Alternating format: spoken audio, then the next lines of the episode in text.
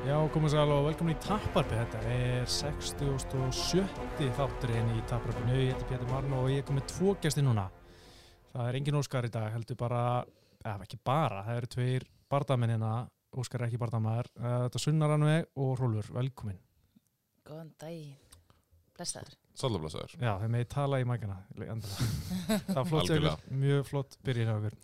Uh, það sem við ætlum að fara í dag, og svona aðalega, er bara innvíkta móti síðast, hvað er framöndurinn þér og þetta, þú sem þjálfari varst með sunnu og hérna bara svona förum yfir víðanmöll og aðalega yfir innvíkta dóti.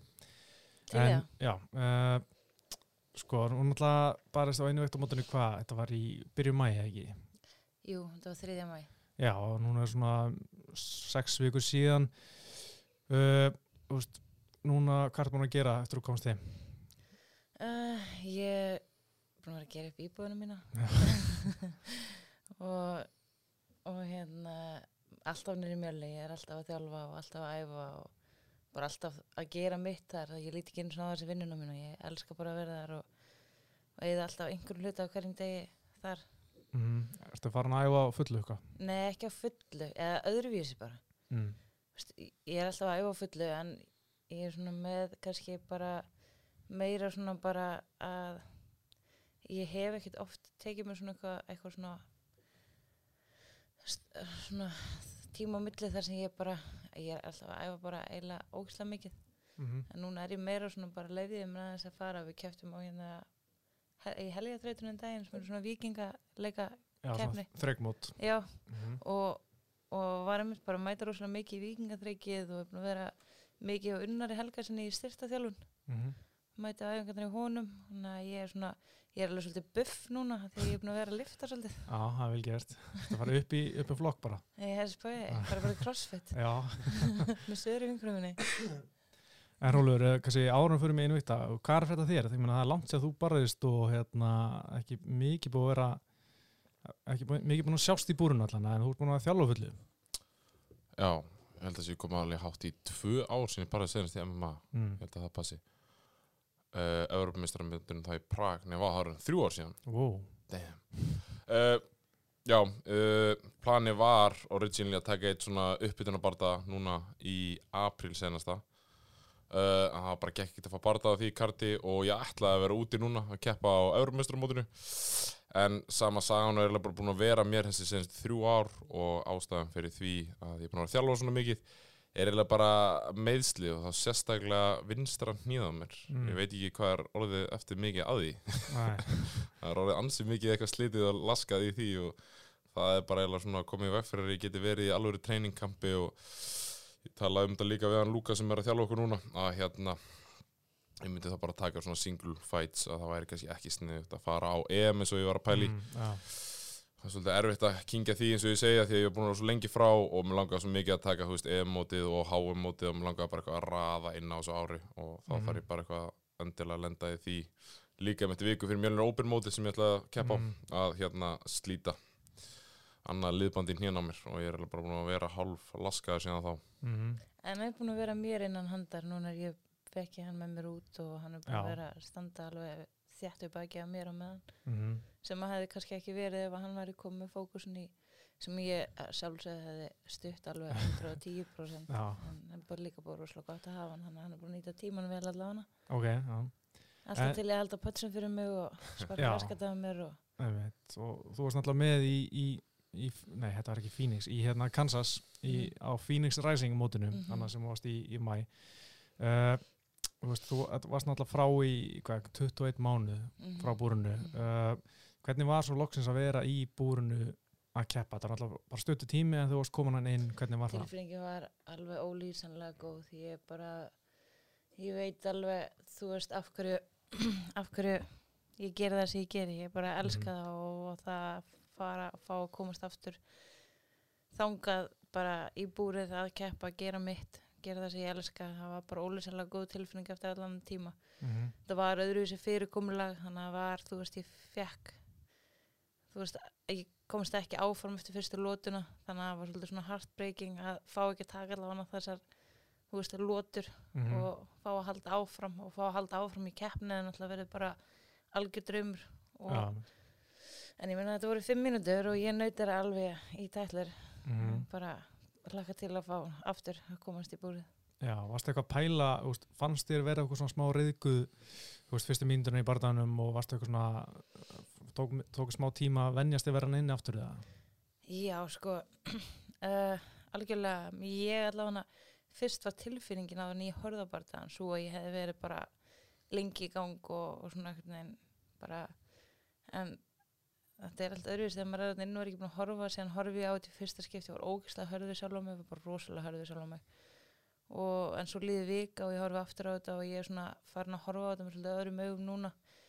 Að fyrstu mínúndar þá var ég kannski ekki þú veist alveg off þegar ég horfa á þetta en hausnum var samt ekki líkamnum var alveg að, að ég veit ekki alveg hvernig ég var að lýsa en já algjörlega ég fann alveg klálega fyrir því að þessi 21 mánuður í burtu höfðu áhrif Mm. og þetta fyrirkomulag var svolítið svona bara að keira þetta í gang bara strax á fyrstu sekundu að eftir svona langan tíma í burtu þá hefði ég eiginlega bara ég hefði vel að þurfa að taka bara slag við rólfið eða eitthvað baksviðs Mm. fyrir keppnina og þú veist bara fá nokkuð góð högg á snúðin til að bara kveikja vélunum til þess að því að þú veist maður svona ekki, maður, það er engin, engin tími þarna í svona setupi að svona fyrirkomulagi að þreifa neitt fyrir sér eða Mhm. neitt, veist, og hún var alveg on it bara frá fyrstu sekund það voru ekki allir bardaðinu þannig en okkar bardagi Mhm. var þannig, við settum Já. svolítið tónum fyrir kvöldið og hérna ég hefði vilja byrja bardagan eins og ég endaði bardagan Mm Já, þetta var náttúrulega ógæslega skemmtileg bardagi og hérna,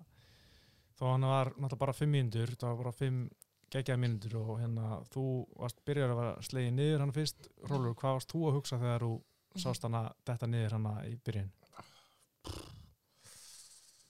Ímislegt svona sem maður var að hugsa en ég man einhvern veginn sko uh, ég sá fyrst að þú veist hún spratt upp á hnjön og ég var bara svona yes, þú veist, hún er alveg með meðutund skilur og því maður hefur verið aðeins sjálfur, maður veit að Mhm. getur verið svona munur að fá þannig að högga, maður getur einhvern veginn ekki ekki stjórnar hefingunum en svo ef mér sé ég að þú veist, hún svona gefur upp á sér baki þegar hún er að standa upp á hana, þá var ég bara svona, ó, shit, þetta er einhvern veginn ekki líkt henni en svo var þetta bara geðið moment hún einhvern veginn nær taki á hálsunum að þér og hún einhvern veginn sunna stendur bara upp og snýr sér inn í hana og byrjar að kýlinni andlitaða með hana þá var ég bara svona, að ok, það er allt í góð uh, en svo farið hann að hitt höggið á því og þá var ég svona smá spengur að það væri kannski svona eitthvað, eitthvað ójafnaði í gangi þannig í systeminu. Maður veit svona hvernig það getur verið það er svona erfitt að ná jafnaðinu sinni aftur það er maður bara slegin einu sinni. Mm. maður fær bara svona eitt banki viðbót og svona úf, fara fætnir svolítið svona undan manni Já, nákvæmlega, sko, og hérna, það var náttúrulega svo hraður og skemmtileg bardagi og þetta var náttúrulega mjög nálætt í að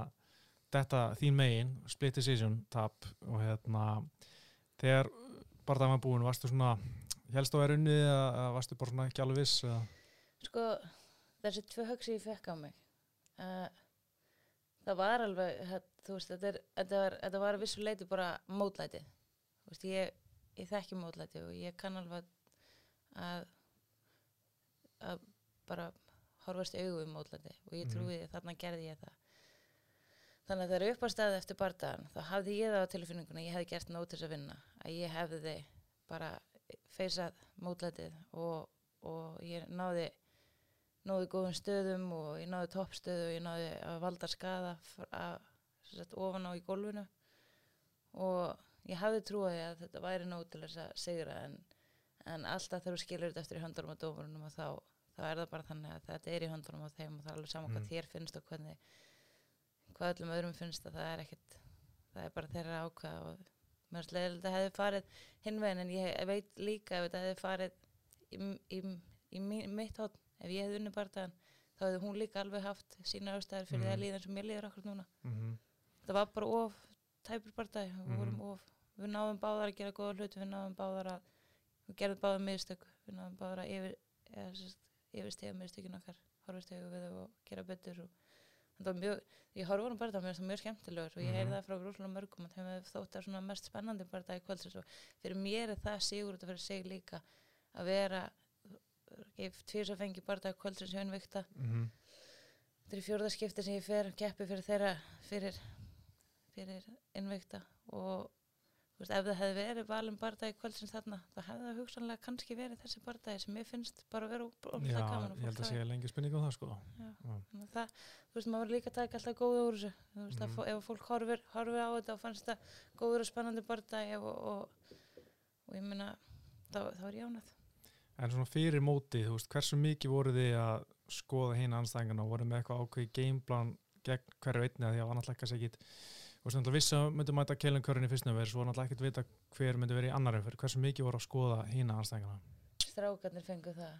Já, uh, ég og hérna Luka Jelcik sem er yfirþjálfur núna yfir kemstur í MMA í Mjölni við lögum svolítið bara yfir þetta og ég held bara svona næstu því grínlaust að við höfum hort á allavega á þau víti sem hægt er að finna netinu bara af öllum börnum hjá öllum sem stelpum. Uh, fókusum rosalega mikið á Keilin uh, og við vorum svona að reyna að passa okkur á því að því að hún tók hérna sex barða í UC sem gengið þetta rosalega vel. Mm -hmm. uh, og við vorum svona að reyna að passa okkur á því að vera ekki of kokki en við sáum alveg bara hvernig Sunna gati unnið hana og í rauninni sko höfðu við talað um lotið 2 eða 3 ég meina Sunna hafi klárað hana bara í lotið 2 og það er sem ég hef skipt svo miklu máli þegar horfum til þess á eins og dómarákurinn eftir eina lotu er þú veist hver er komin með yfirhöndina í lokin? Mér finnst það skipta svo miklu máli að ég er svona, old school guy ég var líkuð til í að veist það var engar lotur og það væri aldrei búið eða eitthvað það væri bara svona klára. Ekki einu svona ég fíla heldur ekki að dómarar að standa upp og svona. Uh, en við vorum búin að, eins og ég segi, skoða keilun og, og það sem við tókum eftir henni, hún er líka mjög hættulega alltaf til að byrja með Mhm. uh, og hún er alveg rosalega vel randið hún er auðvitað meira svona kickboxari en svo er hún eins og hún síndi til þeim svona setna hún fór á mótinni hérna Sjúlega líma nei hún fór ekki, hún hérna á, hvað Jacobson Sharon Sharon Jacobson, Jacobson, já, já, já. sem er svona að bara, að, bara svona peppuð upp sem aðal wrestlerinn á mótinni og Mhm. hún bara, ég held hún að kasta henni tvisvar alveg bara vel sko Mhm. Þannig að hún er alveg mjög vel randið og þú veist, það segist bara sjálf þegar að taka sex barða í UFC þá ertu þetta að koma með uh, þessa reynslu Mhm. og þetta með mikinn snilling í hotninu sínu Jason Já. Prillo og ég ber mikla virðingu fyrir þeim manni og bara mjög hannar ekki aðeins fengið að tala við hann þarna eftir á þetta en við vorum ekki með búin að smíða gameplan og ég vil alveg meina að við höfum auðvitað auðvitað, við, höf, við höfum alla möguleika til að vinna þetta mót Sunna hafið Mm. það og við vorum búin að skoða alla anstæðingana ég var bara raunin með svona glósu bók hjá mér bara í símanum mínum bara svona punkta hvað við ætlum að gera hvað við ætlum að gera upp í dyrun Mm. og hvað við ætlum að segja Sunna fókus á og hún í rauninni var bara með öll vopnin En hvað fór svona á milli ykkar þegar þið voru að spjalla við Kellen Curran og, og Parillo eftir bara það? Var eiginlega bara að fara að leggja línunar fyrir öðrum bardaga okkar á milli. Já, Það var eiginlega bara, það var ólega góður, góður mórall þannig á milli okkar og það, þú veist, hann, þau bæði og hann komið til mín og bara, þetta var náttúrulega bara góðu hörku bardagi og þeim leið þannig og og hann vildi meina að samfélagsmiðlarnir væru allir á því máli að þeir vildi sjá okkur taka sérst heilan bardaga mm og, og, hérna, og þetta hefði verið spennandi bardagi og svo líka var þetta bara svolítið ekki allir sammála með Mhm. úrskur dómaruna þannig að það þarf eiginlega bara að útklefa þetta mál Já, núna eru hvað sex vikur síðan þetta var, er eitthvað búið að gerast í þeim málum eða? Uh, Boltin er í rauninni bara hjá Halla og Shannon sem að Shannon á innvíkt og Halli, Mhm. Halli Nelson fadir MMA í Mm. Mjölni hann er, hann er að, að hérna, í samlinga við hann bara núna við hanna og það er bara spurning hvenar og hvar og hver skiptir mig einhver máli það væri gaman að útklæða þetta þá Já. mun ég sofa aðeins betur á nótunni Já, ég held að það væri mjög gaman sko. Hvað myndi þið gera öðru í segja myndi mætast núna í þryggjalötu? Eh, ef við mætti ekki stoppa þar við erum nú búin að tala um eitt ég, og ég held ég sé ekki að spoila neina þannig en Brianna Van Buren sem vann þetta mót og var strófið champion komin í til UFC núna. Já, er búið að semja við hana. hún er komin í, já, hún Mm. er búin að skjönda samning þannig að beltið er afturlaust. Keilin fór í úrslit að móti Briannu Mm og eins og við segjum og Sunna og Keilin áttu þarna split decision sem var bara einlóta hvernig væri bara að sjá það að fara fimmlótur mm. Það var ekki verið að sko.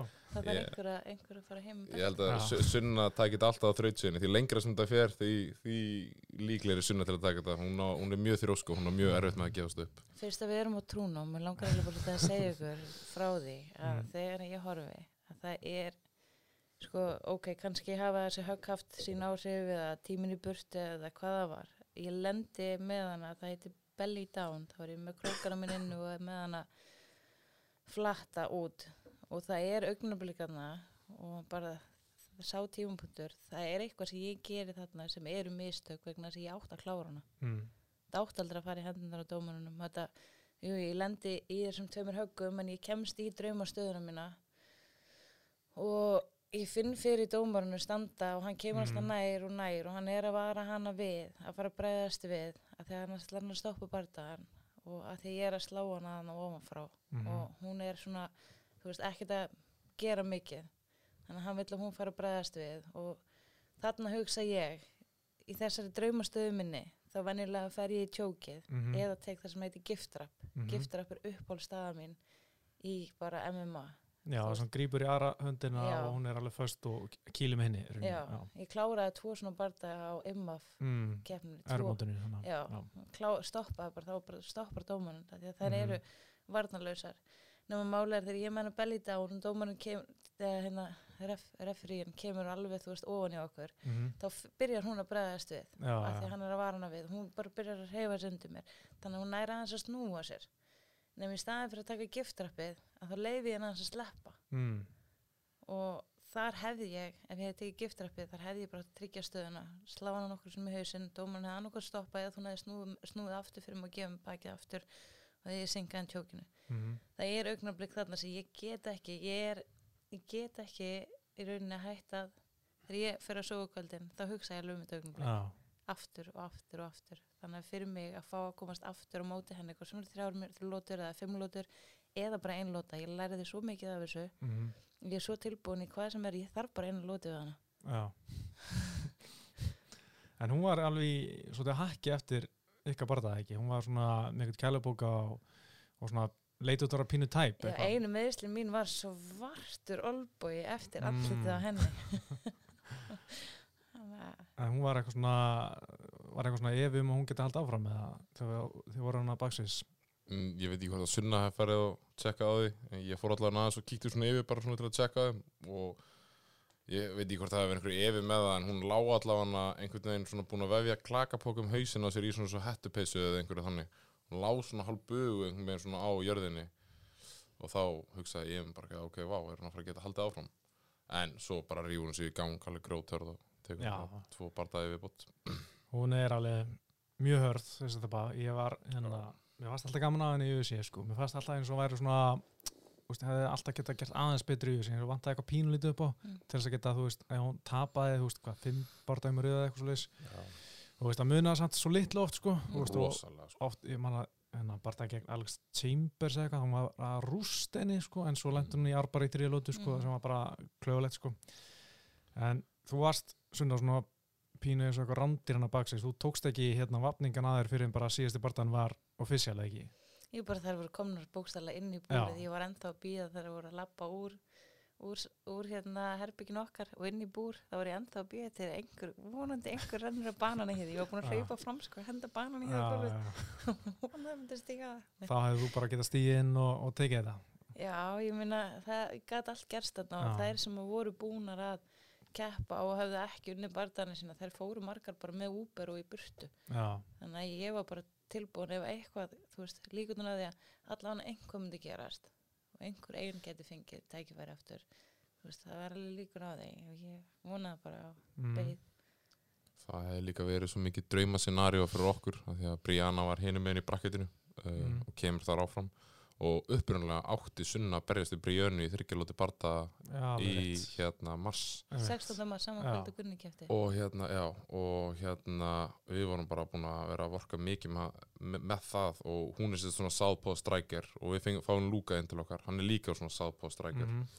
eh, kannski ekki alveg með nákvæmlega saman stílin en svona bara bæði hvað hann kendi þú veist, okkur báðum bara og hvernig við vorum að vinna með sáðpóin og ég er mitt meittur í vinstar hnénu þannig að ég, var alveg, ég er alveg farin að skipta yfir sáðpó núna því að Mm. ég fíl ekki að láta sparka í lærað mér já, þannig að ég var oft bara eitthvað, ég og Sunna vorum að jöflast bara tíminu saman og ég var bara eitthvað sáðpó og Mhm. reyna allt það sem hún var að gera þessi beina vinstri upp í headkickið og eitthvað og, veist, ég, eins og ég segi, maður aldrei segja aldrei en ég held að Sunna hafi gjör sannlega dominita þeim barða því við vorum Mm. bara búin að vera eins og ég segi bara fyrir þann barða, við vorum svo spesifíkli búin að æfa frá hana svo lengi þetta var eitthvað með já, Mm. mm. það hefur verið mjög gaman að fá að sjá það já, ég hef gaman að vann bjúrum, ég ást að vera bæði skemmtilegu fættir og skemmtilegu Mm. karakter. Svona eins og svona pínus og Daniel Kormir svona lítil og þykk og já, með svona smá Tankur já, sem að tankur, svona bóndastyrk einhvern sko. Mhm.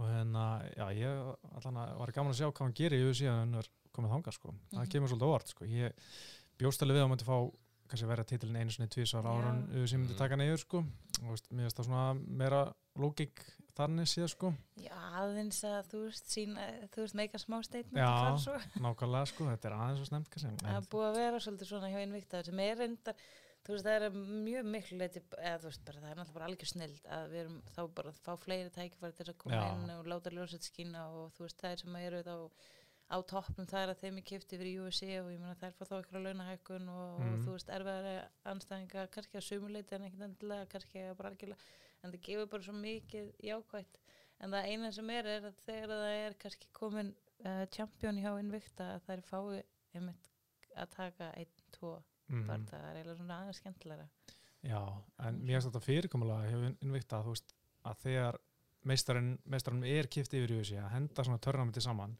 það er mjög skemmtilegt sko Mhm. en ég veit ekki hvort það myndi virka aftur eða myndi henda núna strax í stráhuttinni mm -hmm. ég var alveg frekar til að sjá bara alveg til bara það sko Mhm. Já, sérstaklega ef þú myndi fá bara það sko það var skemmtilegt Já, það er, það En- er bara, bara gæðvægt ég ég er til hvað sem er en segi, ég, ég ger þetta ger þetta því ég elska að gera þetta og það er, Mhm. þú veist, ég meina bara lífstílinn einn og sér er bara, þú veist er bara það sem ég lifi fyrir og, og Mm. elska en eins og vorum að tala um á hann og varst hann að fara á í 21 mánu út af höndinni meðal annars sem var í, í smá hækki hana um tíma hvernig var svo höndin í barndanum og náður alveg kýla af alefli og, bara hún var í lægi í barndanum Já, það er sko það álæði sem ég set á höndina þegar ég gerir hnú á kýli með henni mm. það er, það er í rauninni bara orðið rosa fínt en það Mm. er álæði sem ég set þegar ég fyrir handstöðu og, Mm. og flettir svona upp á lóan og setur svo þingdófun og það er eiginlega álæði sem ég ræði ekkert rosalega vel við þannig að ég er, ég er svolítið fann að sleppa því að vinna með allt svoleið sem ég er í handstöðum eða stundum er ég ekkert eitthvað ég er mjög misjöfn í hendinu stundum er ég bara rosa góð en Já. ég er ekkert mikið að setja eitthvað óþarfa álæði á hana eins og bara, bara handstöður og eitthvað svoleiðis. Já, þannig að þú veist svona eiginlega þarf það eiginlega ekkert mikið að vera að spá í þessum meðslum lengur eða?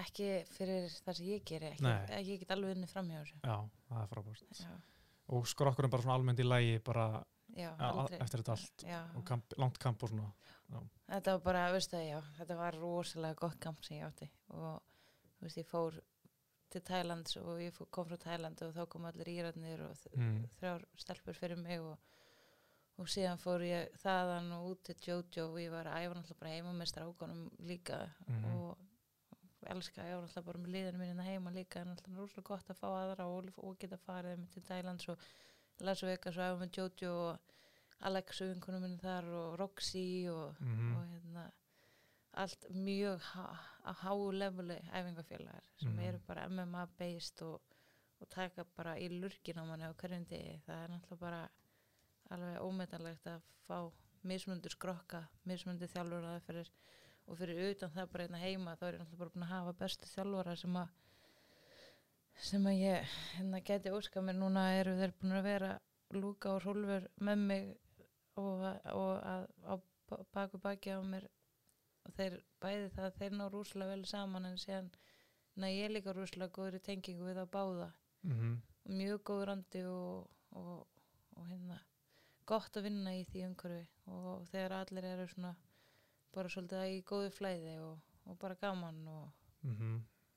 en eins og, já og vel haldið utan um mig ég er rúslega þakklátt fyrir mm En Rólega, þú varst náttúrulega, já, þið eru náttúrulega par, það er ekkert, ekkert leyndamál með það vonandi,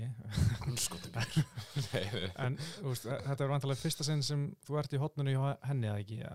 Jú. Já, hvernig var það? Svona bæði náttúrulega, þú þekkir hana persónulega mjög vel og líka Mhm. bara fyrir því að vera uh, í hotninu og svona háa leveli MMA. Mm. Þetta er svona, hvað maður að segja það er ímislega bara sem fer í gegnum hausunum manni í þessum aðstæðum. Ég var allavega tölvöld uh, stressaður en þegar ég hef sjálfur verið að lappin í búrið. Uh, það er svona, þetta er svona sama, sama tilfinningu þegar maður finnir fyrir flugræslu þetta er svona þegar maður er ekki við stjórnina. Maður veit ekki hvort það sé allir rauði ljós svona blikka fram í eða hvort það sé bara smá vindur. En hérna uh, tilfinningin var bara góð og ég veit það líka sem ég sjálfa mig þú veist, mér langar alveg að berjast meira. Ég ætla alveg klárlega að taka einhverja bardaði viðbót en ég er ekkert eitthvað að leita eftir að ná eitthvað UC belti eða mm. fá miljón followers á Instagram sem verðist vera svolítið svona takmarki í dag. Mér langar bara svona að fá aðeins meira reynslu en ég er alveg löngu búin að komast að því að enda stöðu mín verðið þjálfari. Ég, veist, ég nýtist mjög mikið og þetta gefur mjög mikið og það getur gert það fyrir einhverja mannesku sem ég elskaði mikið á sunnu það er þetta bara, bara æðislegt veist. Líka góður í því bara, ég, eins og ég segi, þetta er eitthvað svona sem maður þarf ekki að byggja um pening fyrir. Þetta var auðvitað alveg bara svona mjög intens vika. Ég hérna Uh, ætlu, bara svona að tala um það þú veist að því að Invicta kefti þetta bara miða fyrir eitt, uh, eitt þjálfara og ég leti Mm. þetta bara lúka fá hann og ég kefti ódýrsta miðan sem var bara svona round trip, round í US til að komast í Kansas. Já, og vorum hann bara eitthvað í dag og svo strax eftir heim en þú veist, ég bara, það breyti yngu þetta er bara, þú veist, maður hefur svo gamla þessu og bara, já, þetta verður allir reynslubankan mm. þannig að svona the time þegar maður er þarna, eins og ég segi, mikið að fara gegnum hausinn á manni en maður getur einhvern veginn alltaf bara stilt sig á það þú veist að það er alltaf að fara að vera í lægi það verður þess virði og eins og með sunnu ég veit alveg að hún getur svolítið svona síðan sér sjálf ég var ekkert að fara, ég þurfti ekki að fara að hoppa upp úr eða eitthvað þannig, það var mjög litla líkur á því Já, Ég held sko ef eitthvað er að það verður örgulega ég sem að fríkaði meira út. Það var svona kannski hvað tveimur, þreim mánuðum fyrir barðan. Þetta var náttúrulega rosa langt kar- kamp af því ég Mhm. átti að vera að berjast fyrst í mars. mhm, Og svo var eitthvað að tala um april og svo færðist yfir í mæ. mhm. Kom svona var í Tælandi desember, janúar þá var ég byrjað að æfa svo skeppna og byrjað að taka matræðum svolítið, svolítið svona kom heim og hæfa sambandið næringar ágjafa minn og Mm. byrja bara að æfa á fulli hérna heima þannig að þetta var rauninu svolítið langt kamp þannig að löngu áður en við förum hérna út þá, þá kemur svona moment hjá mér þar sem ég er einmitt bara eitthvað Rólfur, en hvað, þú veist, hvað að þetta og hitt, þú veist, ef ég er eitthvað ef við erum ekki alveg, þú veist on good terms, þú veist, og við erum Mm, eitthvað já. í búrinu og, og þú veist, ég nenni ekkert nenni ekkert að tala við þig og þú Mm. nenni ekkert að tala við mig og við þurfum að geta að tala saman og eitthvað. ég var bara eitthvað, ah, fuck. Þess vegna var Æ, það kannski bíp. svona alveg blótast mikið það var það kannski bara svona smá lán í óláni en það er nú ekki að kalla lán. Að hérna ég hafði lent í þessum hémislum því að þegar það gerðist þá var ég mitt sjálfur að plana að fara til Írlands og berjast í apríl já, og satna mig svo fyrir Evropamóturu sem er núna í gangi já, og það ég held að það hefur verið svona smá hagsmenn árastur ég er rosalega þannig sko ég er svona já ég við rettum sig ég fyrir bara út með þér og hátna þig og svo flýði til Ítalíu og þetta gafur uppmestaramótið Mhm. og sunna er kannski svona aðeins reynsari og einmitt Mm. fer svona að pæli þessum hlutum hvað við heita þetta gerist Já, já. bæði í, þú veist, einmitt fight mode, þú veist, og það er alveg, maður verður, sko, ég er eiginlega bara þannig í aðdæranda barða, þá, eh, tek ég alveg upp á því svona af og til að bara brotna niður og fara bara að gráta, sko, bara Mm. því að ég er bara eitthvað lítil í mér eða þá að ég er bara eitthvað, þú veist, bara að vera ókýrslega hörð eða, þú veist, ég veit það ekki, það er bara svona alls konar tilfinningagrautur og þegar það er svona, við erum bæði í kamp til dæmis, hann að fara hotna mig staðar úti fljúa, þú veist, frá einum endanum og yfir á hinn endan og hvað áttu þú eftir að keppa, var ekki í, það var hérna í Róm, í Róm. Þetta hefur verið alveg hörku ferðalag, sko. já já en ég var alltaf tilbúin En var, það. var það ekki rétt hjá mér að eftir þessa keppni núna, þá komst til mér og sagði að þú hefði verið alveg svolítið að fríka út, var það ekki? Jú, núna eftir innviktað já, ja, þú veist, jú, jú, ég menna aðeins meira heldur en hún sagði allan. já ég var eins og ég saði bara aðan ég var tölvöð stressaður en þegar ég sjálfur lappin í búrið svona þegar við Segir mér lappa það ekkert að meða það. Nei, nei, nei, það er svona sem ég segi, hjartsláttin var ör og maður svona, ég veit ekki, það er líka eitt, við kannski tölum, þú veist, mér langaði að fara inn á þetta áðan en ég vildi bara ekki að grípa fram mig fyrir, þegar við vorum að tala um að það var svona sein í gang og svona, það sem að sást ekki er að það var eiginlega bara svona cluster fokk haldtími áður en að sunna labbaði inn. Mm, Þau vildi rosalega mikið gera einhver svona æfingar, að, ég veit ekki hvort þú sást það, þau letur svona alla labba inn í búrið og taka Mhm, hringar og já, kynna á. Það, þeir, sko, þeir reyndi þrísa sinnum með eitthvað að æfa þetta Mm. og það svo erfitt að ná þetta öllum fætinum úr uppbytunarherbygginum Já. og eitthvað upp á svið og þetta við vorum svona niður í kallara undir þessu öllu og við vorum alltaf rosa saminsku sögum og mættum og svo var alltaf verið að segja okkur að býða því við vorum fyrst í bardaginn og, Svo ég, sendi okkur niður. Og, og þetta var svona fram og tilbaka og þessi sem ég segja uppbytunin senasta haldum að fóru svolítið fokk og Mhm. hérna þegar við endur svo loksins á að gera þetta og þetta er, þetta er broadcastað, þá fáum við ekki að fara aftur niður og við erum eitthvað svona aðeins að halda okkur þarna, heitum fyrir aftan eitthvað svona aðeins að reyfa okkur og eitthvað en vissum aldrei hvernig við værum í raunin að fara inn. Það gat Mm. líka, þú veist, við vorum alltaf eitthvað, herru, veist þú eitthvað? Og allir bentu bara hvern annan. Þannig ég vildi ekkert eitthvað vera að heita sunnugeð mikið upp og þegar haldir bara heitir í kortir eða eitthvað og Nei, svona þanga til að sko Shannon sem áun vikta því það voru svo mikil að vissi engin neitt. Mm. þá kemur hún til okkar alveg, heyrðu, farið þið bara niður þið eru fyrstu partæ og ég skal bara ég skal bara tala við þá ef að þið er og, þú Mm. veist, að þið ætlaði bara að fá frið núna til þess að þetta var búið að vera svo mikið verið að þvæla okkur eitthvað fram og tilbaka þannig að þá allavega eins og ég segi þá var ég, eins og ég segi, kannski ekki beint að frík út en svona maður vill að allt sé fullkomið þegar lappar inn í búrið. Mhm. Já, og veit hvernig það er sjálfur, það meikar ekkert sens að vera eitthvað að snúa minni ringi hálftíma fyrir þetta. Og þá var ég bara svona, anskotin, getum við ekki bara haft þetta almennilegt, það var svona smá svona í manni. En svona svo sunna tala um, svo þetta bara setjum maður upp bókuface og bara, þú veist, eitthvað að djóka og svona halda mórlum góðum, það er bara aðal Já, þetta var sko, ég manni, sko, ég fæ alltaf svona áður en er að lýsa, fær maður svona, ég veit ekki, sjóforma, þetta sem kemur fram, þú veist, hvað er að fara að gera, hvað, það tekur langa tíma og eitthvað, þetta var ekki á þessu formandi, sko, en ég hafði ekki hugmynd um það, allt í einu byrjaði, þú alveg byrjaði bara, það er bara að byrja, ég menna, hvað, hvað er í gangi hérna, sko, svo kom næsta og það bara svona, ok, ég fattaði hvað er í gangi, sko, en þetta var mjög steikt, þetta myndi mig svona pínu á præt í gamla dag, þegar voru alltaf fyrstir hérna í byrjun Já. sjósins kom alltaf svona kynna alltaf til leiks. Og gaman uh, minnast á það hérna Lil Nog og Big Nog Nog vera, þeir eru alltaf mjög líkir tvíburabræður þó að annars í Heavit og hinn í Light Heavit mm. Big Nog er alltaf seitt sko, hann er bara svona hann kann ekki á klukku og hann hérna mista fluginu sinni til Japan. Og hann var ekki mættur þegar kvöldi byrjaði sko. Og þá var samt, en Lil Nog var mættur. Þannig að Lil Nog þóttist vera Big Nog í, í svo endransi sko fyrir kvöldi sko en síðan var hann svo betur verið mættur Big Nog þegar barðan átt að vera.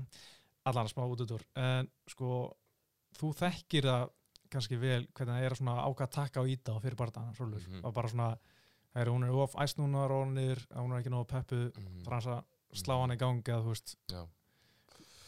Sko, maður auðvitað svona, já, maður veit hvernig það er og, og fólk er með mismunandi spennustig við erum ekki öll með svona sama spennustig í rauninni það sem við performum best uh, Sko, ég myndi segja að Sunna væri svona frekar svona, svona lík mér, við, maður vill vera alveg svolítið svona hvað maður segja, svona smá aggressífur en samt sharp, þú vilt ekki rössa mikið. Og það er nákvæmlega bara gameplani sem við vorum með og töluðum um bara, þú veist, það var voru ekki alltaf að segja að það var ekki aggressive og sharp, ég man ekki hvað við vorum alltaf að kalla og voru eitthvað svona keyword sem við vildum að myndi gera? Mm. að við vildum ekki vera að byrja of uh, mjúk en samt ekki bara eitthvað að vera að gefa eftir. Uh, og við myndum sögðum við sunnu af því að og það hefur sínt sig á þér að hún er erfitt með að taka skrifa aftur stundum, hún vil bara fara fram og kýla Mm. við eitthvað bara leiður að taka nokkuð skrifa aftur. Og svo bara stýður aftur inn og voru svona að segja svona uh, og svo gerðist þetta það í byrjun barðaðan sem ég held að enginn hafa búist við er að hún skýtur bara í dobbleleg bara eftir hvað, 5 sekundir eða eitthvað. Mm. og Sunna fyrir með þetta defendi fyrir búrið og ég mitt styrir ég sá það þá var ég svona byrju, ok, er hún eitthvað að bluffa að uh, og ég held hún hafi örugglega bara verið að hugsa bara safe way skilur og næri henni niður og ná bara að halda topp örgla allan tíman Mm og fundið það bara mjög snemma og það var ekkert að virka. Þannig ég held að það hafi líka svolítið svona tekið taktin úr þessu. Að ég vorum svo mikið búin að sjá fyrir okkur hún ætlaði bara að halda fjarlæðin með stungunni leita að hásparkinu ég var svona aðeins að kíkja hinn með við þegar það voru hitt upp og svona ekki vera að segja Mm, já. það og ég var svona að sjá hvað það var að vinna með á pötsunum og svona og, Mm. og hérna myndi að setja mikið upp high kickið og nota jabin til halda fjarlæðinni og svo eins og ég segi og svo byrjar hún bara að skjóta í doppelleik þannig að maður Já. bara rugglaði ritma kannski smá Mm. Mm. En eftir þetta og náttúrulega eftir þú veist, búin að vera búið með núna fjóra barða í innvikta já, já, hérna, hvað finnst þú svona þurfa að vinna í að laga sem fyrir Eh, næstu skref? Mér finnst bara það sem er núna er að ég komist í búri sem fyrst aftur og síðan eftir það aftur sem fyrst Já. og eftir það aftur sem fyrst. Halda mig bara aktífri veist, flott þrýr, fjóri, fjóri mánuður á milli ekki meira. Uh, það er það sem mér finnst ég þurfa akkurat núna. Annað er bara finnst mér all, allt að allt að uh, alltaf uh, smella hjá mér. Ég er Já. búin að vera rosalega mikið núna að vinna eins og Rúlu var að tala um að taka sem þú skref aftur. Mm. leifa henni að svinga í dögt og koma sér hann og, Já, og svara henni. Þú veist, ekki vera á staðnum þegar hún er að kýla og heldur að vera síðan að grípa hana þegar hún Mm. er þar sem ég vil hafa hana. Setja hana svolítið þar sem ég vil hafa hana stjórna betur, þú veist, bara búrunu, svæðinu meiri fótavinna hjá mér. Þannig að ég, ég er búin að vera að vinna í rosalega miklu sem mér finnst bara þurfa að fá svolítið að setla núna Mm. bæði á æfingum og bara fá sér að fara í búrið og vinna með það þar að ég fann það bara strax núna þegar ég er búin að vera að taka fyrstu sparaæfingarna mínar sen ég kom heim, Mhm. fyrstu glímaæfingarna mínar að það er allt bara eins og ég vil hafa það þú veist, ég er bara, tæknilega er ég líður mér óbúslega vel og mér finnst líka bara rosalega margt af því sem ég var að vinna með í kampinu og fyrir kamp og svona margt svona nýtt sem ég er búin að vera að vinna með með strákunum það er kannski bara núna fyrst að svona án þess að ég þurfa að hugsa um það komið Mm. bara svona svolítið inn í Já, og svona ég, ég finn, finn alveg, alveg, alveg mjög skýrt og greinlega þegar ég er búin að hafa orðaði við strákana þegar ég var að sparra bæði búin að taka sparr við Rólf einhverja lótur, ég tók í kickbósinu búin að vera eitthvað að leika með kickbósunum og svo í MMA tímunum og þetta er allt bara eins og á að vera mm. En uh, nú, úst, það er nú ekki margar stelpur sem eru komnar hérna upp í MMA því að þú ert fyrsta kona sem barast, íslenska kona sem barast í MMA svo held ég Ingabina hafi verið nummið tvö og svo Dammi uh, og Imma að Mhm. svona komið í kjölfarinn en þetta eru bara fjóra stelpur og, og maður ekki segja margar svona nýjar koma upp, ég meina Imma er náttúrulega búin að vera í þessu heil lengi og Dammi er búin að vera nokkur ár og Ingabina fór bara all in í jutsu í að vera MMA og svona. Hvaða svona, hver er svona þínu helstu æðingafélagar hér heima? náttúrulega svona helst þeir sem eru náttúrulega bara með mér uh, liðsfjölega mínir í mjölni það eru, það eru, það eru allt strákar Mm. það er sem ég tekið alveg fagnandi þegar það kemur einhver eins og það er ein, ein útlensk stelpa sem ég veit ekkert hvað hún er ég veit ekkert hvað hún er veit bara að hún keppir í MMA ég veit ekki eins og hvort hún sé þetta er einhver vinkona einhver sem er að æfa í mjölni Mm. og hann var eitthvað að spyrja mig út í tíman í okkur og eitthvað svona og ég sagði hann um bara að því að hún þú veist æfir MMA bara hvað með hana til mín. Mm. og, og þú veist mér er alveg sama í rauninni á hvaða levelinu ég bara teki opaslega mikið fagnandi þegar það koma stelpur skrokkar en ég er með strákana og þeir eru rosalega góður æfingafélagar þeir eru öllum stærðum, öllum gerðum og þeir eru mjög góðir æfingafélagar tæknilegir og þú veist, kunna að stilla sig.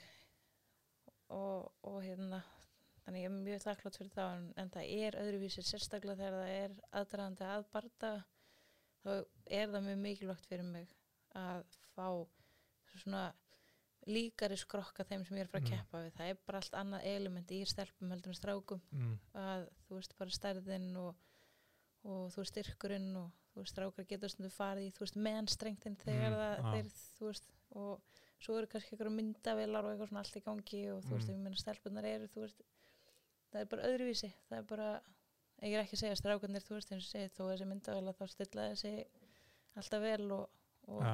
góðir að æfa með og svona en það er bara eins og segja annað element í stelpunum og þess vegna er svo gott að fá þær svona allan í aðdraðanda bara En þá það- fer ég annarkort út að fæ ykkur að ringa Já, fórst náttúrulega núna til Las Vegas í hérna, hvað er þetta eftir?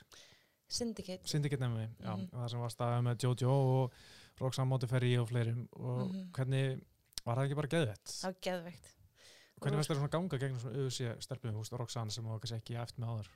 bara svakalega vel, hún var einmitt að klára sitt kamp Já, já, og var hend, mér var hendi hérna Shark Tank með henni mm. þú veist undir lokin, við vorum alveg að æfa saman bara og hún vildi rosalega mikið fá mig bara aukala til þess að vera að glíma með mm.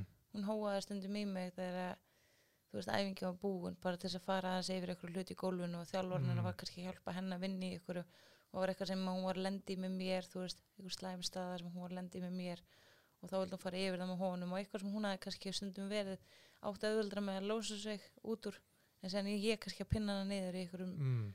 þannig að henni fannst rúsa gott held ég, ég held ég hef alveg náða að hjálpa henni svolítið með það bara í svona og líka í sjarktanginum og þá var ég látin einmitt vera að resla svolítið við hana veist, Mhm. taka hana niður og grappla og veist, byrjum standandi eða byrjum í gólfinu og svo er hún tekin á patsa og í eitthvað pound og svona læti. Margar svolítið lótur þannig að rosa, rosa gaman að geta hjálpa henni og hún hjálpaði mér líka alveg rosalega mikið. En ég fann alveg að ég átti alveg alveg allt, allt í allt í það að vera að vinna með þeim. Þú veist, ég var mhm. saman með Jojo, hún er náttúrulega bara þú veist, bara rosalega góð og hún verður náttúrulega bara líka bara opaslega góða vinkunur hún er rosalega, hún er náttúrulega búin að vera mikið að vinna með John núna í, í John, einmitt, John Wood John? Wood, já, Hann er, einmitt, hann er kærastinn hennar og hann Mm. á, á syndicate Mm. og þau eru náttúrulega hann er þjálfun hennar og hotna maðurinn hennar og, og þú veist uh, nálgunin hans á hennar þjálfun að þau hafa ekkert alltaf verið að vinna saman bara Mhm. í rauninu undarfærin kannski eitt og hálf, tvö ár eða eitthvað svoleiðis, Mhm. eitt, tvö ár það, hann er með rúslega mikil, mi, mi, mikið svipaða nálgun á hennar þjálfun nú, nú til dag sem er búin að skilja rúslega góða márangur hjá henni varðandi hreyfingu. Mm. hún er mjög reyfalegri og meiri fótavinna og þú veist stjórna búrinu betur. Og það er sem henda það rúslega vel fyrir mig þegar ég fór að vinna með honum líka úti. Við vorum að, hann var að halda pötsum fyrir mig að var með ykkur tíma og ykkur svona. Að hugsun hans, ég talaði við Rólf og Lúka þeir eru ánað með það að hann var ekkert að skemma neitt heldur var Mm. hann í rauninu bara að vinna með það sama. Og og, og gera já, leiðum mér líka bara að það var ekkert að reyna að breyta hennu nei, nei. Það var ekkert að reyna að það, var, voru þrjár vikur í bardaðan minn þegar ég kem hann út fjóra vikur í bardaðan minn þegar ég kem hann út. Ég hafði þrjár vikur til þess að æfa með þeim en hann var ekkert að fykta í stílnum mínum, hann var ekkert að reyna að breyta honum neitt. En uh, úst, þú náttúrulega kannski, já, verið í Tælandi og verið þar og, og hérna. Fullt að stelpum þar líka. Já, hver er svona, ok, Jojo er kannski svo sem þú var eftir mest með en hver er svona besti æfingavilið sem þú haft svona upp á sparrið bara, wow, þessi er fáralega góð. Það meina það stelpa? Já, stelpa já. uh, mm, ég myndi segja og ég skjóta einun Mm.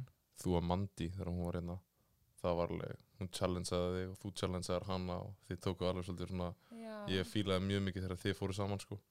Mandi var al, algjör sko, hún lung og rosa langar hendur. Hún Já. var alveg svolítið svona ég er ekki vönni að fá stelpur sem er annarkvort er það er lágar og böff eða, eða háar og svona þú veist, Mandi er eitthvað nefn bara, þú veist, hún er með svo langar hendur, hún er half Jamaikan mamma Já, hennar ok. er Jamaica og Mandi Bóm, þýska stelpan hana. Mhm. Já, ok.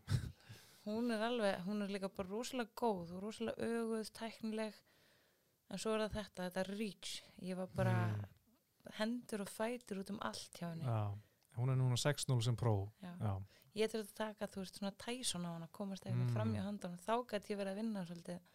Það var svona svolítið challenge að hefa með henni mikið. Já, það var mjög gaman að horfa á þær lótur ég og Lúka unnum, við horfðum á þessar lótur þegar hún var hérna og við unnum mikið með það sem við sáum þar. Mm. og hérna þegar hún líka Mandi, hún er mjög góð. Þú veist, hún er með þessa byggingu en hún er svona, hún er sjarp, hún er mjög góð í kippúsari já, þannig að þú veist, það var ekki þegar Sunna var að ná henni það var ekki eitthvað svona því hún var sloppið að droppa hendur um eitthvað, halla sig fram með eitthvað, bara þegar Sunna náði að vinna sig inn. Mm. og þar fundum við fullt af hlutum bara eitthvað, að því að, eins og Keilin, mjög löng líka. Bara, þú veist, þetta er þitt gó hérna. Mm uh, eitt sem uh, vakti eitthvað svona pínu aðdegli og hefur svona allavega það sem svona þeir sem fylgist ekkert mikið með maður fannst uh, töluðum en að eftir þetta uh, þetta prífætt viðtal sem byrtist alltaf hérna hjá einvikta Mm. fyrir sjói áður en barndamenni gangi inn, það var alltaf svona viðtal og þar allan í tvísamann eftir og þú hefur svona verið svona í tárum að það var að tárast þegar það í því viðtali mm. það eru svona rosalega mikla tilfinningar í gangi just, í fætvík eða bara þegar þú fyrir að hugsa um stuðningin og Sko. svona, þá bara hellist það yfir því þetta er þess að ég fór aðeins út í aðan ég hef vel aldrei upplifað þetta svona rosalega strím eins og, eins og í kringum þetta núna ég hef búin að vera, ég held að sé líka bara rosalega margt sem spilar inn í bæði það ég er búin að lengi í burtu ég elska Mm. að gera það sem ég geri í árum tíma í burtu ég er búin að fara í gegnum allan tilfinningaskalan mm. Og þegar aðdraðandaginn að þessu kemur ég á rosalega langt kamp og margar breytingar þú veist bara að ætla að keppa 16. mars? Nei, herru, þetta verður í april, nei, herru, þetta verður í mæ herru, by the way, þú veist að keppa um belti Mm. getur verið heimsmeistari líka veist, og, og nei, herru, þetta er ekki þú veist, venjuleg keppni heldur þetta svona törnument og þetta er setupið. Mm. herru, þú færð að vita fyrsta anstæðingin nei, herru, við erum búin að taka það á borðinu það fær enginn að vita fyrsta anstæðingin herru, já, jú, þú færð að vita fyrsta anstæðingin og, og svona, þetta var svo mikið og ég veit ég líka bara eh, sko, aðdraðandan að þessu að sko, ég verið bara alveg hinskilin ég, ég einhvern veginn náði að sleppa tækinu öllu ytra. Og það var rosalega mikið af þú veist, ég þurfti bara að vera náttúrulega bara og bara, bara eins og lífið er þú veist, Mhm. ég náði ekkit rosalega mikið að halda utanum bara að teki öll bóksin jú, ég náði að gera það vissu leitin, það sem skipti mér mestum máli var bara fjölskyldan og, og þú veist, og ég náði ekkert að koma miklu öðru inn heldur en bara önnu og sem betur fyrir hólur mömmur í gegnum allt Mm. ferli svo er bara búin að sapna þú veist það sem ég bara talaði um því aðrumennur okkar þá var bara búið að koma svona motivation hérna, motiv motivation. pósturinn minn hann var ekkert lítill sko. Nei, og ég fer sen í burtu og hálfpartin með allt í raskat hérna heima en þú veist alveg, eitt sem skipti mig máli var bara að komast hann út og fara í keppna sen er ég bara rosalega lengi í burtu og þetta var bara, bara rosalega langu tíma áður en ég fer í burtu sem ég var bara búin að hugsa um það að æfa og berjast og komast í búrið.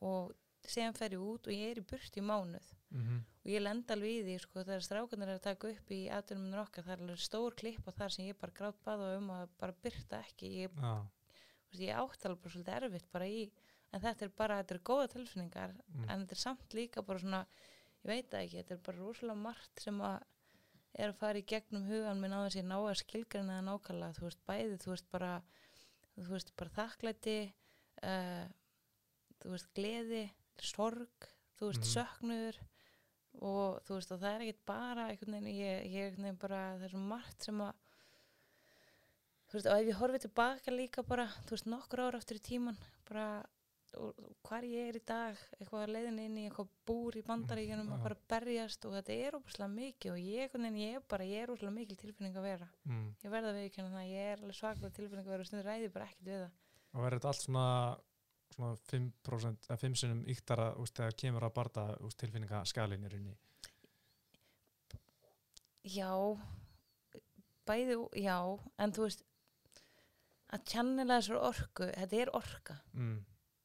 Veist, þetta er orka sem ég er ég nota þessu orku og, ég, veist, og þegar ég er að fara í búrið þá stilli ég mig inn á það að þetta er þú veist, bæði spenna og, og þú veist, maður finnur maður finnur að sjálfsögur finnur maður eitthvað, eitthvað leiti óta og allt þetta og allt, allt, all þessi orka líka þetta er allt bara orka sem ég nota og, Mm. og kannski þarf ég bara á hún að halda en, en ég er óbúslega þakklátt fyrir þetta því að ég, þú veist að að þú veist, þetta eru sannar tilfinningar þú veist, ég fer ekki að inn og, og þú veist, það er það, þú veist, ég er bara svo þakklátt fyrir allt. Og svo bara svo margt sem einhvern veginn svona maður einhvern veginn já, ég veit ekki alveg, já, algjörlega ég já, ég var rúslega mikið emotional bara líka, einmitt eins og ég segi þegar ég var úti og bara ég ringdi maður í hrólu og það var ég alveg, þú veist var ég á röltinu bara úti og ég er rúslega mikil lónir að vissu leiti samt er ég líka búin að umkringja af svo mikið af góðu fólki og það er svo Mhm. margt gott um að vera og það er bara svo margt sem að hefur líka bara sett með þannig staði sem er bæði gott og vant og erfitt og jákvætt og þú veist og ég, ég noti þetta allt og þetta er líka bara ástæðan fyrir því að ég er svo sem ég er Mm. þú veist, ég tek allt sem ég maður bara þú veist, ég geng bara með þetta með mér það er ekkert, ekkert Já.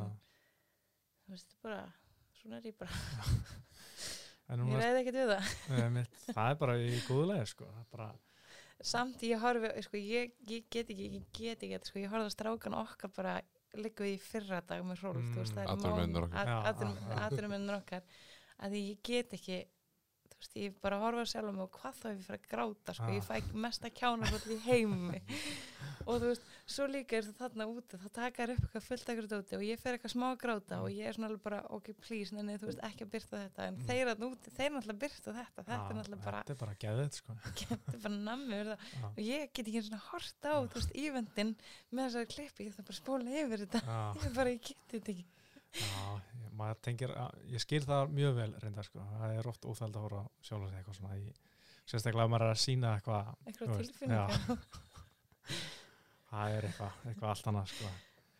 En núna ertu svona, þú veist, þú veist, ofinbjörn persóna skilur að margir sem, veist, kannski koma til þín og eða, senda þér skilubóð og eitthvað svona, finnst þér að skrítið að, hérna, sem fólk er að, og líka bara í viðtölum að sé að spyrja út í fortíðina og svona, skrítið að vera að tala um þetta svona ofinbjörla?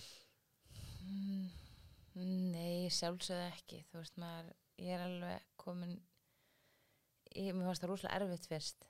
Og það er líka kannski bara því að mér hefur líka bara þótt erfitt að horfast í augu við það og jafnvel ekki einu sem kannski gert mig grein fyrir þú veist mörgu sjálf. Þú veist nema, þú veist, þú veist, svo fem maður að tala um það þú veist, og þá voru tekin einhver frétta frétta viðtölina fyrir löngu síðan Mm. þannig að það verður auðveldara að, að ræða að ræða, þú veist, fortíð og, og eitthvað svona um hann sjálfan en, en hérna eins og ég segja, þá er þetta bara hluti af mér og ég er rauninni bara hluti af því af hverju ég er hér í dag og af hverju ég er að gera það sem ég geri mm og segi, ég tek þetta allt með mér þú veist, alltaf góða og alltaf alltaf slæma, alltaf allt bara, þetta er Já. allt orka sem að bara þarf að stýra. Það færið mikið af svona einhver skilabóðum í gegnum samfélagsmiðla frá alls konar fólki. já, og og ég er alltaf rúslega þakklátt fyrir það ég óskar að ég hefði, þú veist, stundum meira tíman til þess að, þú veist, bæði að vera þú veist, á dýnunum að tala við fólk og að vera í tölvunni að, þú veist, en en ég er alltaf rúslega þakklátt fyrir öll þau skilabóð sem ég les og ég reyna að svara þeim líka Mm. eins, eins, eins vel og eins vel og ég get og að fá að heyra frá fólki að það sé á einhvern hátt að tengja og að maður sé á einhvern hátt að hjálpa og hafa jákvæða áhrif og vera, vera góð fyrirmynd og, og það finnst mér bara það er eiginlega besta við þetta það er eiginlega það sem ég er þú veist þess að ég segi þú veist ég meina beltið þú veist ok ef það kemur það kemur það það er þetta ferðalag sem skiptir mjög öllu máli og það geta breytt einhverju Mm. þú veist, haft áhrif veist, það geta verið á dýnunum að kenna öðrum og, og þú veist, aðri geta leita til manns og, og þú veist, og aðri skulle bara vilja leita til manns yfir höfuð og maður geti, þú veist, gefið eitthvað, Mm. það, það finnst mér rúslega fallegt við þetta ferðalag og bara það að vera búin að og, og geta verið í þeirri stöð að geta breytt einhverju, Já, já, er ekkert gefins einmitt. mm. Já, og, og lendir ekki að segja ekkert mikið í að fá okkur svona óþægilega, óviðhandi skilabóða. Jú, líka í og með sko Já. skemmtilega Já, sko, Ég er sérstaklega gaman að þeim já, Svona ágríns já, þetta er, er merkilur heimur. uh. Já, mm, þú veist ég eins og segi þá uh, ég held að þú veist ég held að ég held að ég held að það sé ekkit sjálf ég veit ekki hvað það segja, ég held að það sé ekkit hérna, sjálfgefið. já Mm. nei, ég, ég, ég bara, já Nei, ekkert mál. En svona rétt í lókin bara, uh, þú ert ávæntalega mikið að fylgjast með þú stráitinu í UFC og hérna, og ég innvíkta náttúrulega öðrum stelpur sem er í, í þínum flokki, eins og það er Rósnáma Djúnus tapa beltinu um daginn til Jessica András, uh, hvað svona, ef þú horfur á þær stelpur, þú veist, hvernig heldur að væri, þú veist, að æfa með þeim eða að keppa við þær? það verður alltaf bara styrlað þetta er bara, þú veist ég segi, þetta er hérna rjómin ofan á ofan á kökunni. Já, og bara að að það var náttúrulega bara þegar það þar að kemur þá verður það þá verður það bara enn einn æsir spennandi kaplinn í, í bókinni, í tsunami bókinni svona með bókin. Já. En hvernig er hérna, heldur að Rósnáma Djúnus muni koma áttur og er hún ennþá besta í stráitinu þráttur í tapið? Svona takla sér. tæknilega séð algjörlega, algjörlega.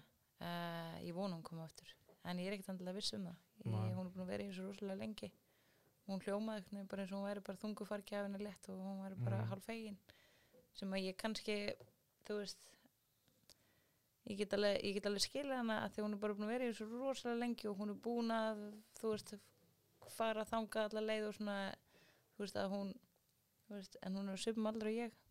Já, og hún á nóg inni og hún er tæknilega miklu betri heldur en András. Og András tók hana bara á svona einmitt power. power, Já. woman power. Já, þannig að ég vona að Rós koma aftur og, og hérna mér finnst hún eiga eiga mikið inni hún Mm. er bara fara að taka beltið af henni aftur já. hún á þetta belti Núna er Andras að fara á móti hérna Veili Xiang í, það verður í, hvað, Kína? Nei, byrju, það verður í Kína. Var ekki, Shang, var ekki Shanghai? Já, það verður á heimaðalli Xiang.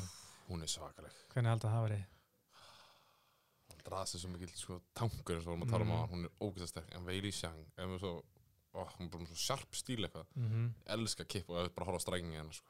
Já, Það er alveg mjög skemmtilegt sko. en ég sé András ég sé hana fyrir mér þú veist, ef hún nær taki í þér já, ef hún nær, nær í skotta þér þá er hún að fara að dömpa þér Mhm. hvernig sem hún fer að því að dömpa þér þá er sér næstu því að spæka þig þú veist, hún er að fara að kippa þér upp hún er að fara að leggja þig flata á bakið Já. og ég veit ekki ég, Já, ég held að það sé rétt, hún verður þung á topnum og gerir skada og Já. maður sér það fyrir sér sko. en það, það er hérna Shang sem hann kefti við hana hérna Keilin Curran Mhm. núna var það ekki UFC. barndaginn fyrir já. Já. Mm og þá vorum við með það var einmitt sábardar sem ég horfa á með henni og þá var Shang að tjappa hana í allan daginn sko, Mhm. keilin og það sem að keilin má eiga að mínu mati núna þegar ég til dæmis hitt hana það voru hvað tvö ár svipaði langu tími sem hún hafði kæft og ég hafði kæft Mhm. en hún er allavega ég sá það alveg og, og svona með það sem ég hefði séð þarna að hún var með miklu bætingar, hún lærði af Já. því að hafa verið djöppið í spað Mhm. þarna af Shang, hún er alveg rosalega bara djöppið hennar er alveg Mhm. bara dundur djöpp sko, utan allt hitt sem hún Mhm. hafa að bera en Keilin allavega skilaði alveg mjög góðum framförum varðandi vörð að það var höggi sem ég fekk hún slippar inn fyrir Mm. djabbið mitt kemur yfir toppin með Já. hægri hendina hitti mig akkurat á hérna jafnbæðis á gagnuða Já. þannig að hún síndi allavega það að hún var búin að vinna í sínum málum Einmitt, það er vel gert. já, En hver er svona, veist, mjög gaman að horfa á Valentínu Sjesenko berjast og þú veist, bara af öllum bardakonum í heiminu, hver er svona drauma æfingafélagi til að taka gott, bara góð viku með? Ég var ekki að þetta lega um Rósa Nama Jónas. Það er bara algjör draumur. Ég, ég held um þetta ég held ekki að við getum ekki bara þú veist, náður svo vel saman. Ég bara fíla hann þessi finnst hún, hún bara, hún líka bara veist, ég, ég tengi alveg við hann og ég sé líka bara hún er einmitt, hún er tilfinningarík og Mhm. þú veist, setur það bara á borðið og þú veist. Fer ekki leint með það? nei, Já, það er bara flott. Þannig að ég, ég, ég væri alveg til að æfa með henni og kynna þannig betur ég held að við myndum ná vel saman Já, það er ekki hægt að koma því í kring bara, kíkja Jú. hver, hver sem hún er að æfa einhverstaðar í bandrækjunum. Er hún ekki í Kaliforníu? Er hún ekki Mhm. nálega ykkur fjallasvæði? Er hún ekki í Colorado? Nei, Kol já, Colorado Já, að já, já. jú, akkurat. Já, það er ekki gaman að kíkja þanga bara og kíkja Pat Barry og, Pat Barry, já, og líka Colorado. Ég er alltaf á leiðin þangað. Dwayne Já. Ludwig, he uh, headquarters er þar. Mm, Já, ég var skelllegur að Ég er til. Setjum þetta bara að stað. Yes. Herri, við ætlum að fara að slúta þessu bara, bara mjög gaman að fá okkur hérna og ég held að ég sem búin að fara í allt sem er langað að fara. Eitt er reyndar að ein stelpa sem barist þannig á innvittakvöldinni, inderska stelpan Manjit Kólikar. Mhm. Þú, hún var að æfa líka hjá. Já. Uh, hvernig var hún í, á æfingum? Ah, sko, hún hérna uh, hún er frá Índlandi og hún er sér sett komin til að sveikast núna til þess að hún ætlar að reyna að vera þar til þess að fá að æfa og keppa þú veist, hún er með Mm. samningu innvikt og hún kefti fyrsta kvöldi sem ég kefti fyrir innvikt og þá hún líka að keppa já, skítapaði þá já, því. og þeir, hún vann á okkur törnumenti sem var reyndar í Índlandi og ég held að Mm. MMA sé ekkert eitthvað rosalega háu level í Índlandi, en veit ég það ekki Mm en hún allavega komin allavega til bandarækjum til að reyna að þú veist bæta sig og fá bara betri þjálfara og þú veist steytra í keppnir og svona fyrir hana. En síðan kem ég hérna og, og við erum að æfa saman allt í hennu og, og ég veist að hún var aukabarta en síðan var henni kipt inn að þetta er að það mistu veikt. -hmm. en ég held að hann hafi ekkert verið að taka svo ofalvarlega þannig. Þú veist uh, ég held alltaf fyrst að hún var að gefa mér ívulæg og ég talaði við Jóti og Jóti hún er að gefa mér alltaf svona ívulæg er það, er það, er það því við erum bara að keppa á ykkur aðra eða Mhm. þú veist, keppa saman mótinu og eitthvað. Nei, hún, hún er hún er örgulega hrifun að þér hún, ég bara, nei. Og svo bara, þú veist, deginum eftir það, þá kemur hún til mín og bara svona þú veist, þá erum við þá erum við að drilla saman. Já, og ég fer og æfi með henni og þá svona bara förum við að spjalla og svona og, og þú veist, hún með þess að spurði mig hvort ég ætti kærasta og eitthvað svona og ég sagði hann alltaf bara, þú veist, að ég er og, en þú veist, svo er hún bara opaslega ljúf, en ég fann það alveg á henni að hún var mjög, sko við vorum að æfa saman og hún, hún er boksari, mm. þú veist, hún er með alveg fín högg og þú veist, fína fótavinn og svona, en þetta er svolítið svona olimpist boks og þannig að það var þjálfur sem var rosalega mikið að hjálpa hennar að blanda höggum og spörkunum með í sem Já. er eða svolítið þú veist, þú veist ekki þú veist, mér finnst það alveg magnað og hún sé komið með samningu innvikta Mm. miða við svona bara leveli sem voru á að því að þegar ég Mhm. tek síðan í- og er með henni í gólfinu að þá bara grunn uh, rosalega mikil bara svona 101 grunn atrið með það hvernig þú átt til dæmis bara að losa þú úr slæmi stöðum bara hvernig þú átt að verja þig og vinna þig út úr aðstæðum já, bara fyrir utan allt hitt að lenda á topp og þú veist, taka takedown og já. Að þá bara ef hún lendi undir þá er hún bara, hún veit ekkert hvað hún á að gera hún Nei. liggur bara flöta bækinu og ef hún er setjast upp og þá opnar hún allt hálsin á sér og bara opnar fyrir já. öll submission í staðan fyrir að reyna að snúa sér hliðina og bara shrimp og bridge og eitthvað svona Já, basic ég er mann eftir að ég kíkti á hana þegar hann var á kvöldi hérna, kíkti á fyrsta barndan innvita Mm. það var sem hann bara ekki geta neitt Nei. og kíkti síðan á Tapology þá sá ég bara að hún var bara búin að vinna stelpu svo með 0-1, 0-0 og 0-3 og svona. Þannig að svona svolítið annar heimur að vera komin í innvita sko. Já. Magnús séu komin á þann stað sem hún er en máli með þessa stelpu samt ég ber rosalega mikla virðingu fyrir henni. Mm að því eins og ég sagði á hún er, hún er lesbisk mm, kemur fara á Vindlandi og Mm. það er ekkert sko eins og ég talaði við hvort það hefur ekki verið þannig Serena sem er vinkuna Roxy. Og hún sem sagt Manjit kemur út til bandaríkjana og er hjá Roxy í fyrsta mánuðin sinn. Það er sen aftur fyrir Lindland svo kemur sen aftur. Og þessi stelpa hún á engan pening. Mm, engan pening. Og það er verið að þú veist hún er að reyna að auglýsa og þær vinkonur hennar líka þann úti er að hjálpin þú veist nota samfélagsmiðlandi þess að að sapna þú veist þú veist ekki bara fá 10 dólar hér og 20 Já. dólar þar.